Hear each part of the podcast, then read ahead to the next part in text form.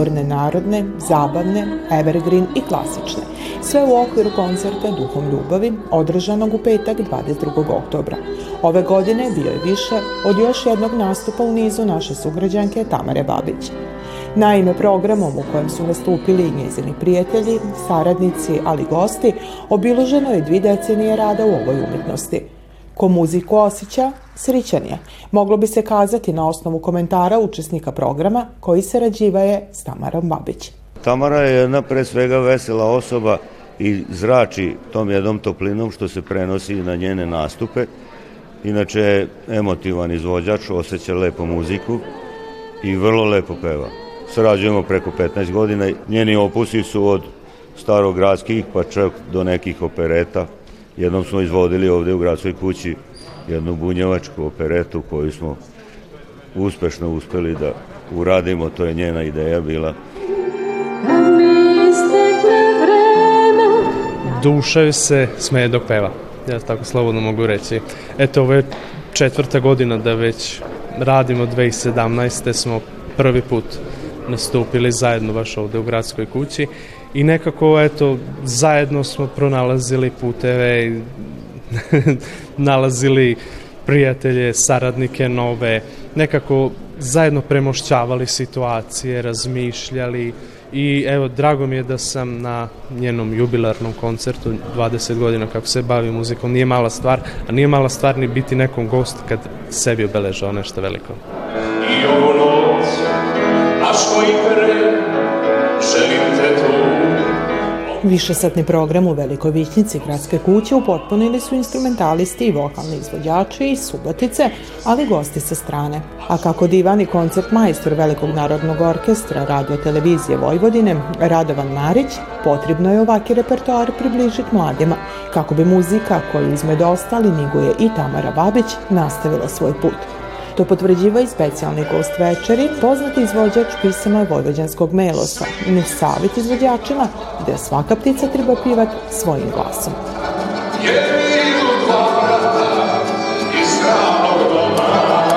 Da bi neko mogo da, da peva to, da treba to da preživi i da proživi i da proživlja Vojvodinu. Nije to, možda se nauči to, ja sam znao pesme iz cele Jugoslavije, svoje vremeno. Ali ostao sam da pevam to što pevam, zato što tu sam autentično, mogu da pevam makedonsko, pa ali meni su govorili što ne pevaš malo grčki, malo ovo, bio bi da pređem na, na drugu stranu, bio bi popularniji, pa neće, svaka ptica treba da peva svojim glasom.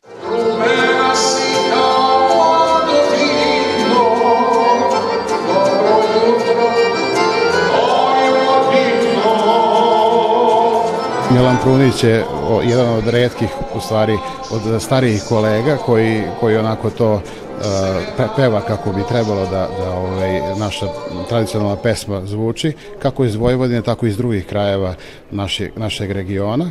E sad što se tiče omladine i mladih snaga i mladih ljudi, uh, trebalo bi iskreno da se poradi na, na ovaj, da, da bi što više se okupilo, da kažem, mladih ljudi i da, da nekako im ovaj, damo mogućnost, šansu da, da ovaj, se oprobaju u, u, da kažem, tim starogradskim, gradskim pesmama, u nekom finom repertoaru koji je pomalo i zaboravljen, moram da priznam.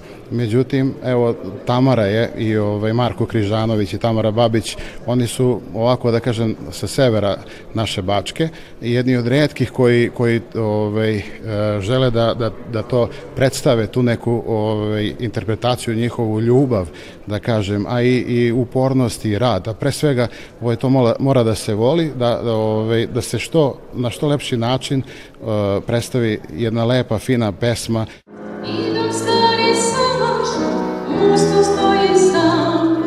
U nizu nastupa i koncerata Tamara Babić oprobala se i u pisanju pisama.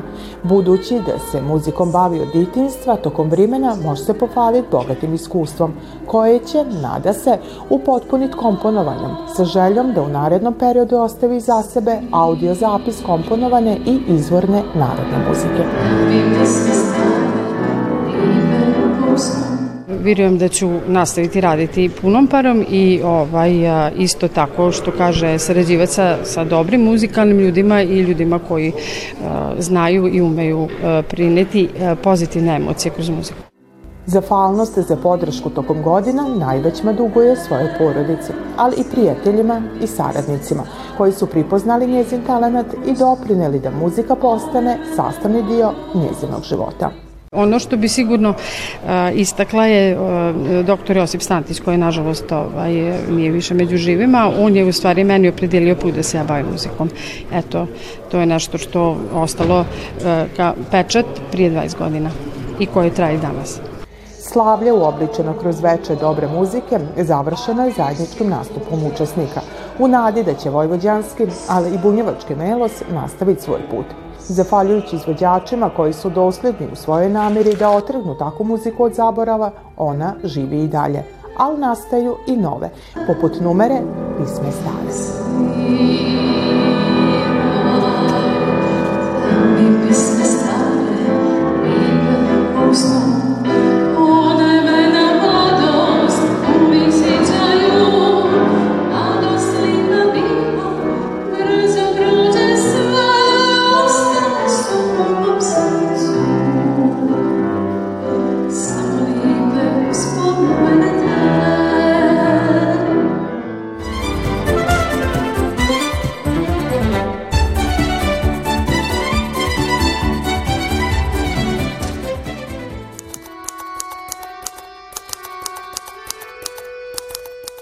Čini se da nikad nije bilo lakše ući u javni prostor.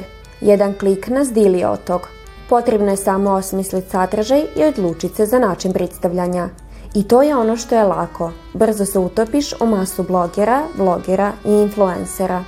A ipak, ako želiš ponuditi što god drugčije, moraš i ti biti drugčiji, što je pokatkad borba s vitrenjačama. To najbolje zna Lemešanka Tereza Ivanković, koja se u tu borbu hrabro opuštila kad je prije više godina, dok je živjela u inostranstvu, napravila svoj blog prinoseći na virtualne stranice svoje razmišljanja, osjećanja i životne iskustva. Pojavile su se te neke nove misli koje sam imala prosto potrebu da ispoljim i da podelim. I tako sam pisala statuse na Facebooku i onda sam u jednom momentu shvatila ok, ovo je predugačko ili niko neće čitati ili ću se ja prosto zadržati predugo na socijalnoj mreži koja mi nije prioritet. I onda sam sama za sebe ovaj, otvorila neku stranicu i počela da pišem. Taj jedan blog, ta što se sećam kad se taj prvi rodio, bilo je Valentinovo i bila, bila sam sama i bilo mi je dosadno. I, ovaj, I tu se stvorio neki određeni broj karaktera, mnogo, mnogo duži, koji bi bio od statusa i onda sam ja shvatila, ok, znači ovo je blog. Cijeli život okružena knjigama. Poeziju je počela pisati u osnovnoj školi, prozu u srednjoj, što se nastavilo literarnim takmičenjima, a blog je samo logična nadogradnja njezinog talenta. Sebe ne naziva piscom, ali ako pročitate koji njezin tekst, uvidit ćete da nije daleko od tog. Višta s ričima britkog jezika, oštra kritika joj nije strana. Svi govore da sam neki kao mali Don Kihot. Ne, ne mogu da kažem za sebe da udaram glavom o zid, nego sam prosto iskrena. I mislim da je to što ljudi osete i što znaju. Nije mi namera ovaj, da se konfliktujem ni sa kim, prosto govorim ono što osjećam i pišem ono što mislim. I nikad to neću prestati. Najčešće pitanje je da li je istina. E, sve je istina. Sve je istina, samo je pitanje kako ja to upakujem. E, nikad nisam ništa ono, e, izmišljala, kažem, zato kažem nisam pisac, ne pišem romane, pišem o svom životu kroz satiru uz pouku. Anegdote iz života, zanimljivi ljudi, neobični događaji, putovanja i razmišljanja. Sve to se nalazi u njezinom virtualnom kutku, a sa svakim novim redom uvuće vas dublju pripovitku, praveć dobar balans realnosti i satire. Optimiste po prirodi, ipak se često uvati gorki tema, koje nas natire da se zamislimo, preispitamo sebe i svoje stavove. Inspiracija mi nikada ne nedostaje, naprotiv imam i previše i imam toliko ideja, onda nekad samo tweetnem sama za sebe te ideje da ne zaboravim, kao da napravim sebi neki kostur, ovaj, u svemu pronalazim, najviše u ljudima naravno. E, ono što mi je najzanimljivije je što mi je i sada, kad čitam prvi, ništa ja tu ne bi menjala. ne mogu da kažem da sam ja sad sazrevala kroz te blogove u smislu da mi oni više nisu prijemčivi, da mi oni više nisu simpatični kao e, ovo je pisalo neko dete. No, oni su se mnogo promenili. E, ta neka esencija se nije promenila, oni su i dalje prožeti e, svaki ima tu neku malo tužnu notu, malo uh, duhovitu notu, satiru, pouku. Uh, to je ono što im je zajedničko. Smatra da je danas sve priča. Tako je pisala kolumne za više portala, dok danas blog popunjava u naletu inspiracije. A za sve ove godine njezine stranice pronašla put do čitalaca i to oni odabrani. Sve što radim, radim vrlo svesno i ništa nije slučajno. I tako da pre nego što ja kliknem na, ovaj, na to dugme, ovaj post, obljubim svaku slovu hiljadu puta i znam otprilike mm, da kad mu se ja nasmejem e, i kad ja osetim taj nek, tu neku unutrašnju satisfakciju da će to biti okej. Okay. I onda su ljudi počeli da se javljaju i da me pitaju e kad ćeš, a što nećeš malo češće, e ajde ovo, ajde ono, jer ko ovaj, uživajte, to vam je što vam je, čitajte stare, e, čekajte i radujte se novima. Mala Bunjevka, kako često sebe naziva u tekstovima, rado ističe od Kalege, opisivajući odrastanje na selu, u rodnom Lemešu i život van granice naše zemlje. Dugo sam se zvala i na Facebooku i na Instagramu Mala Bunjevka i, i ne bežim od toga naopako. Mislim, majka mi je mađarica, tata mi je bunjevac. Uh, međutim, imala sam problem sa objašnjavanjem toga u inostranstvu pošto je tamo i dalje sve Jugoslavija, kamoli da znaju ovaj, ko su i šta su bunjevci. E, pokušavala sam i uspela sam ja tu nekako i da objasnim sebe. E, da li nikad se ne bih stidala svog porekla naopako, ovaj, dan danas to govorim i ne ističem, ali ne mogu da kažem da se ne ponosim time. Nije lako, prosto nije lako kad si u svemu drugačiji. Ja sam čak i u, ja sam čak i u tome drugačiji. Mislim, prvo pitanje je bilo kako znaš uh, srpski, a dolazi, a mađarica si iz uh, Srbije. Pa mislim, prolazila sam kroz toliko testova u inostranstvu, kroz toliko ispita ličnosti, da mi je sad otprilike najmanji problem da objasnim svima da sam bunjevka i mm, da nas ima više nego jednog i, i da to nije ništa strašno i da imamo svoj jezik i da negujemo svoju kulturu. Tereza ima želju tekstove s bloga pritočiti u zbirku priča, a nada se da će se ta želja ostvariti na godinu, budući da oni koji je godinama prate željno iščekivaju vidjeti njezine pripovitke u tvrdom povezu. Dotlek blog će dopunjavati novim temama i životnim iskustvima. Razmišljam vrlo intenzivno o tome već sigurno 3-4 godine. Prosto nije se namestilo vreme i ja nisam dovoljno dugo u Srbiji da bih, da bih to izrealizovala. Sigurno sam da ću to uraditi uglavnom sve uradim što zacrtam sebi pa i ovo. A ovo ću raditi isključivo zbog sebe. Naša sagovornica je u jednom od svojih ranijih tekstova napisala Svako od nas sam bira destinaciju putovanja – Ako nema puta, stvoriš ga. Ako nemaš s kim, iđeš sam. Budi sam sebi put. Istraži sebe.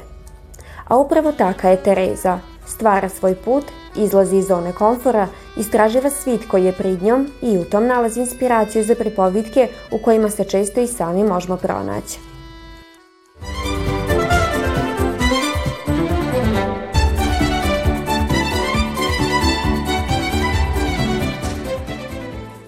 S radošću na licima malih umetnika zbog lipi poklona, slikarskog pribora Dar Ivana Goretića iz Slovenija započela je nova sezona rada likovne sekcije Bunjevačko kola.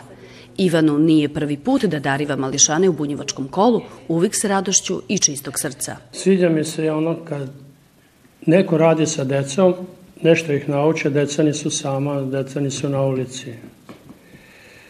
Kao mnoge gradove što ima okolo, da se nešto radi, nešto pozitivno. Imaju ta likovne kolonije po salašima, po, po gradu, bilo gde okolo. I to mi se sviđa. I on sam sam sebi rekao, što se da pomoć, ću pomoći. Ne ide uvek sve, ali ide. I eto, i ove godine nas je obradovao, obskrbio je likovnu sekciju dečju sa puno materijala i tu ima i četkice i tempera i akrila i vodenih boja i drvenih bojica i bombona i svega i svačega, tako da su nam se deca sada jako rado i rekli su, wow, mi to nećemo potrošiti šest godina. Međutim, pošto su oni vredni i puno rade, mislim da hoće. Najmlađi likovnjaci predstavili su se svojim radovima i ličnim umetničkim opredjeljenjima. Ja sam ovde um, od kad su moje drugarice krenule da idu, pa sam i ja krenula da idem sa njima, jer volim jako puno da crtam i uglavnom to u slobodno vreme radim. Tu sam četiri ili pet godina i crtamo, družimo se, pričamo, igramo se. Ja najviše volim da radim tehniku sa bojicama jer mi je nekako jednostavna, a i lepa, ali volim da radim i sa temperama i sa vodenim bojama. Šta će vam značiti sada ovaj lipi poklon od Čika Ivana Goretića? Pa to nam puno znači zato što um, nam treba dosta boja i um, bojica i tako sviđa nam se mnogo što je donao te poklone. Naučila sam da crtam razne stvari, predmete, ljude, tako, a to mi je pomoglo oko škole, oko likovnog i tako. Pa ja ću najviše koristiti boje, temperi i četkice, zašto mi se to nekako i najviše sviđa. Uvijek aktuelni mali likovnjaci oslikali su i svoj prvi zajednički rad. Zove se virus. Zašto virus? Pa zato što ima razne oblike i razne boje ima. Koliko vas je učestvovalo u ovom radu i generalno kako je to nastalo ispričani? Pa učestvovalo nas je četvoro, a taj rad smo prvo mislili da, na, da obojamo sve u jednoj boji, pa smo se onda setili da možemo u raznim bojama da obojamo. Likovna dičija sekcija Bunjevačkog kola postoji od 2014. godine, a iz redova ove sekcije stasali su brojni mladi ljudi kojima je umitnost il opridiljenje il najlipše iskorišćeno vrime.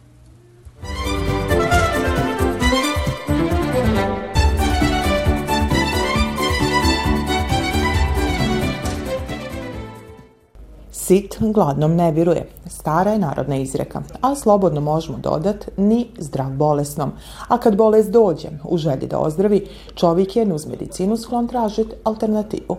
Tako što god zadesilo je i Blaška Šimokovića iz Mirgeša, koji se, kako divani, zahvaljujući magarećijem liku, uspio izboriti s bolešću. A onda je, što kod slično, 2014. godine zadesilo i njegovu unuku. Kako je još ranije kupio salaš i već bio u penziji, nije se dugo mislio i ubrzo je na imanje stigla magarica s puletom. Imali smo sreće što, je, što, što smo uzeli magaricu sa puletom. Znači, automatski smo mogli i muziti. Jer magarica se ne može muziti bez, ako nema puleta. Znači, možeš puleta odvojiti i da bi mogao ovaj, pomuziti magaricu i odmah počeli piti mlijeko i tako, to, od toga je počelo. Do ovake mini farme tribalo je puno truda i ulaganja, nuz tušta lutanja kako bi odrenjivo svoje magarice. Učilo se korak po korak, nuz finansijske i životinske gubitke. I taman kad se proizvodnja namestila, poskupila je rana, te je bio prinuđen smanjiti stočne fonde za 30%. Jako teško, jako teško. Znači, kupovo sam svugde e, škartove, imao sam 30 komada. U stvari, čitav moj period od 14. godine, 2014. pod do sad, jedno 60 komada sam imao ukupno. Znači, prodala se nešto, muško se odmah proda, razumete, nešto je, nešto je uginulo, škartovi, razumete, i tako. Dok sve nije napravilo jedno, jedno pravo mala farmica, mini farma, ja tako je zove. Balkanski magarac, karakterističan po križu na leđima, vrsta je koja se danas praktično više ni ne drži za rad, ali blagodeti magarećijeg mlika vratile su ovu felu na mala vrata i danas, zafaljujući državnim subvencijama, nus pretpostavku da postoji tržište za krajnji proizvod, predstavlja značajan potencijal. Starija magarica, recimo desetak, 12 godina, ako je ima tu bliže 250-300 kila, ona može dati do litre dnevno. Može i više, ali ako onda moraš a, a, pomuziti jednom, pa onda ponovo kroz 6 sati ili koliko ponovo, znači što više puta muzeš, više ćeš dobiti. Tako, e, to je to. Je to. Ali, ali to je znači u početku odmah.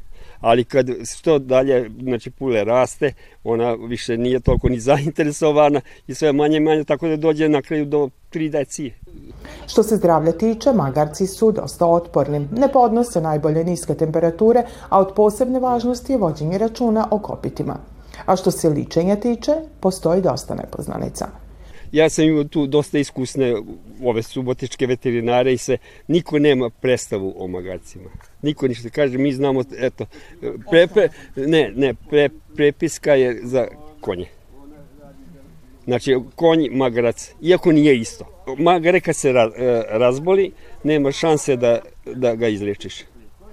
Kolika, znači to ako nešto pojede e, e, lošu hranu, ako, ako, ako trulu, pogotovo to, jer magarac će svašta pojesti, samo mu daj, razveš, na, na to sam mora paziti. I onda, onda stane stomak i nema šanse. O likovitosti magarećeg mlika znalo se od uvijek, iako je njegova popularnost živjela tek u 21. viku. Tom doprinosi činjenice da ima čak 60 puti više vitamina C nego kravlje mliko, bogato je vitaminima A, D i E, te kalcijumom i fosforom.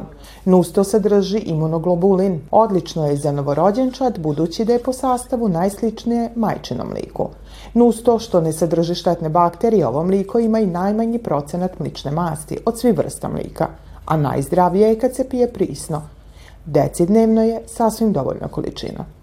Čim ga skuvaš, on gubi sva svojstva, ima neki opor i ukus, neki kao li, li, limeno nešto, nešto, nešto, ovaj, razumete, znači on se ne može kuvati. Naš sagovornik je radni vik, provoko vozač. Naučen na svakodnevna putovanja danas kaže da mu taki život ne fali. Kamo sreće da sam počeo od 30. godine ovo raditi.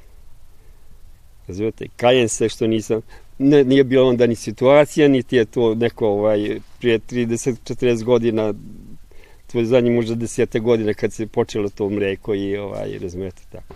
Kažem, bio, bio mi prijatelj u, u, u, u Italiji, bio tamo nešto s poslom, oko, oko muže krava, tih aparata, preko puta farma od 800 magarica. I Italije kao jedna Kaj pita, on, kaže, koliko je mlijeko kod vas? Kad zna koliko je kod nas kupa, kaže, mi to ne prodajemo. Pa kaže, šta radite? Kaže, mi to, e, država otkupi sve i za decu. Socijalno, znači, menja majčino mlijeko. I to država sve rešava. Kod nas je malo drugačije. Od unuke Teodore sve je počelo. Zato je upravo ona nada da će ova mala farma imati svoju perspektivu.